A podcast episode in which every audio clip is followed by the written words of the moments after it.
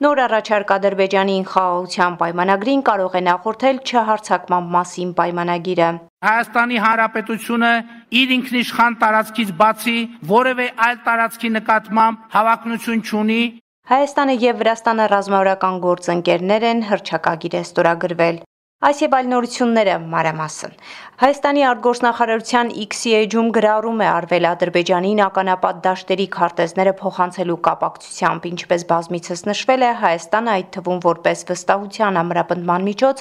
Ադրբեջանին է փոխանցել ականապատ դաշտերի բոլոր քարտեզները, որոնք ուներ իր մոտ, ստանալով դրանք Լեռնային Ղարաբաղի պաշտոնյաներից։ Ցավոք այս նախաձեռնությունն ադրբեջանական կողմից անմիջապես արժանացել է խիստ բացասական եւ հեգնական արձագանքի, քննադատվել է Հայաստանի վստահության ամրապնդման ջանքերը, ասված է հայտարարությունում։ Եվրախորհրդի խորհրդանական վեհաժողովի ձմեռային նստաշրջանում ի թիվս այլ հարցերի անդրադարձ է լինում նաև Արցախում տեղի ունեցած էթնիկ զտումներին։ Եվրոպացի պատվիրակները փաստացի նշում են, որ Արցախի հարցը դեռ լուծված չէ։ Վեհաժողովի լիագումար նիստում վեհաժողովի նախագահ Թեոդորոս Ռուսոպոլոսը այս հարցը հստակեցրեց։ Լեռնային Ղարաբաղում մենք ականատես եղանք սուր մարդասիրական ճգնաժամի, որը բացասաբար անդրադարձավ տասնյակ հազարավոր մարդկանց վրա եւ պատճառ դարձավ զանգվածային արտագաղթի։ Մենք պետք է ձեռնարկենք անհրաժեշտ քայլեր մարդասիրական աջակցություն ցուցաբերելու համար եւ երկարաժամկետ կտրվածքով հասցեագրելու Լեռնային Ղարաբաղի էթնիկ հայերի խնդիրները։ Հայաստանը Ադրբեջանին անվտանգության երաշխիքների մի քանի մեխանիզմներ է առաջարկել։ Եվս մեկը դա վարչապետ Նիկոլ Փաշինյանը հայտարարեց Ադրբեջանի հետ խաղաղության պայմանագիր կնքելուց առաջ չհարցակման մասին պայմանագրի ստորագրումն է։ Հայաստանի Հանրապետությունը իր ինքնիշխան տարածքից բացի որևէ այլ տարածքի նկատմամբ հավակնություն չունի եւ որևէ մեկը չպետք է հավակնություն ունենա Հայաստանի Հանրապետության որևէ տարածքի նկատմամբ։ Մենք պատրաստ ենք տալ նման երաշխիքներ, երկարատև եւ անշրջելի երաշխիքներ, բայց նույնպիսի երաշխիքներ ակնկալում ենք ուրիշներից։ Ժամանակա Մինչ օրս հայտարարվել էր անվտանգության առնվազն 4 երաշխիքի մասին, որ Հայաստան առաջարկել է Ադրբեջանին։ Հայկական կողմի առաջարկներից ոչ մեկը Բաքուն դեռ չի ընդունել։ Զորքերի հայելային հետքաշումը հնարավորություն կտա, որ ադրբեջանական ԽՍՀ բոլոր տարածքները լինեն Ադրբեջանի, իսկ հայկական ԽՍՀ բոլոր տարածքները Հայաստանի վերահսկողության ներքո։ Մենք նաև սահմանի դեմիլիտարիզացիա, այսինքն ապառազմականացում ենք առաջարկել Ադրբեջանին նաև սպառազինությունների փոխադարձ վերահսկման մեխանիզմ, նաև չհարցակման մասին պայմանագրի ստորագրում այն պայմաններում, եթե կպարզվի, որ խաղաղության պայմանագրի ստորագրումը սպասածից ավելի երկար ժամանակ է պահանջելու։ Հայաստանի վարչապետ Նիկոլ Փաշինյանն աշխատանքային այցով անցած շաբաթավերջին եղել է Վրաստանում, որտեղ տեղի է ունեցել հայ-վրացական տնտեսական համատեղ հանձնաժողովների նիստը, երկու երկրների վարչապետները այնուհետև հանդես են եկել ամփոփիչ հայտարարությամբ։ Այսուհետ Երևանն ու Թբիլիսին ռազմավարական գործընկերներ են հուշագիր է ստորագրվել։ Մեր գործընկերներին եմ ներկայացրել նաև Հայաստանի կառավարության հեղինակած խաղաղության խաչմերուկ նախագծի շուրջ զարգացումները, որի մասին հնարավորություն ունեցա խոսել եւ ներկայացնել նախորդ տարի հոկտեմբերին վարչապետ Ղարիբաշվիլիի հրավերով Թբիլիսի Մետաքսի ճանապարհ 4-րդ համաժողովին մասնակցության ժամանակ։ Այս նախագիծը միտված է տարածաշրջանի կապակցվածության խթանմանը, հարգելով պետությունների ինքնիշխանությունը եւ հավասարությունը ու փոխադարձ փոխադարձության սկզբունքները։ Ներկա իրողությունների պայմաններում, երբ փոփոխվում են տարբեր երթուղիներ, մեր տարածաշրջանը տարանցիկ նոր հանգույց կարող է դառնալ արևելքի եւ արևմուտքի, հյուսիսի եւ հարավի միջև։ Փաշինյանը նշել է, որ երկու երկրների ղեկավարները այս հանդիպմանը պայմանավորվել են ավարտին հասցնել Հայաստան-Վրաստան պետական սահմանի սահմանազատման գործընթացը համատեղ որոշում են կայացնել պահպանել ու խորացնել կանոնավոր երկխոսությունը բոլոր մակարդակներում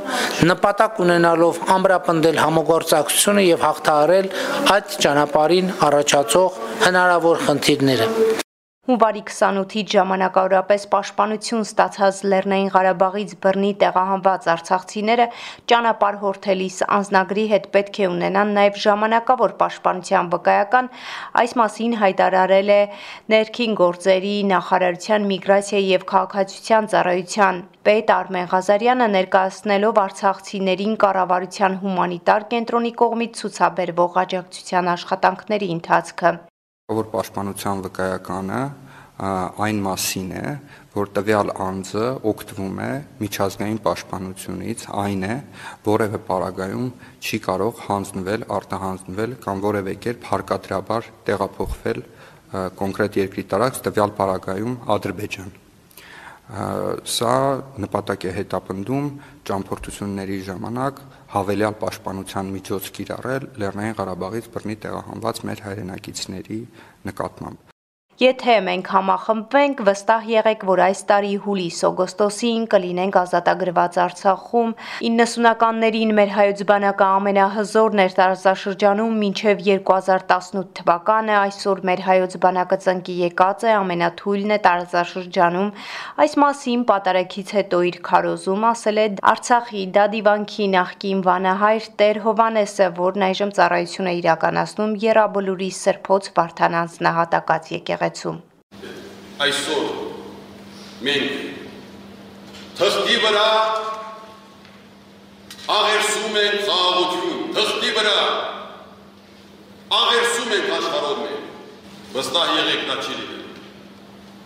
Մենք մեր ուժով պիտի ապացուցենք, որ մենք հայ ենք, քրիստոնյա ենք։ Աղոթենք մեր հայոց բանակի զորացման համար։ Աղոթենք մեր հայ ժողովրդի միասնության հավատքի համար։ Աղոթենք, որ մեր Արցախի իշխանությունները, զինվորները, որոնք գերության մեջ են, վերադառնան Հաջակցություն Արցախի եվրոպացիները հանուն Արցախի հարթակի նախաձեռնությամբ հունվարի 27-ին եւ 28-ին եվրոպական 14 երկրների ավելի քան 50 քաղաքներում անց են կացրել տարբեր միջոցառումներ, որոնց մասնակցել են Եվրոպայի հայությունը եւ տասնյակ եվրոպական կազմակերպություններ, ներկայացնելով Արցախի հարցը։ Հայ առաքելական եկեղեցին անցած շաբաթ նշեց երիտասարդների բարեխոս Սուրբ Սարգիս Զորավարի տոնը ամենայն հայոց գարեգին երկրորդ հայրապետի տնօրինությամբ Սուրբ Սարգիս Զորավարի տոնը հրճակվել է երիտասարդների օրհնության օր։ Սուրբ Սարգիս Զորավարն ամենասիրված սրբերից է իր որդու Մարտիրոսի եւ 14 քաջ մարտիկների հետ նա նահատակվել է հանուն քրիստոնեական հավատքի։ Տոնը մեծ տարածում ունի նաև հարևան Վրաստանում, որտեղ տարեցները ձմռան քամիները կապում են Սիրո բարեխոսի հետ, իսկ վրացական Սիրո քաղաք Սիղնաղիում պարզվում է դարեր շարունակ նշվում է տոնը, թեև այստեղ հայկական եկեղեցի չկա։ Սիղնաղցիները ասում են տոնը հայերն են բերել քաղաք, երբ Էրեկլե երկրորդ թագավորի օրոք հաստատվել են Կախեթի շրջանում Սիղնաղիում։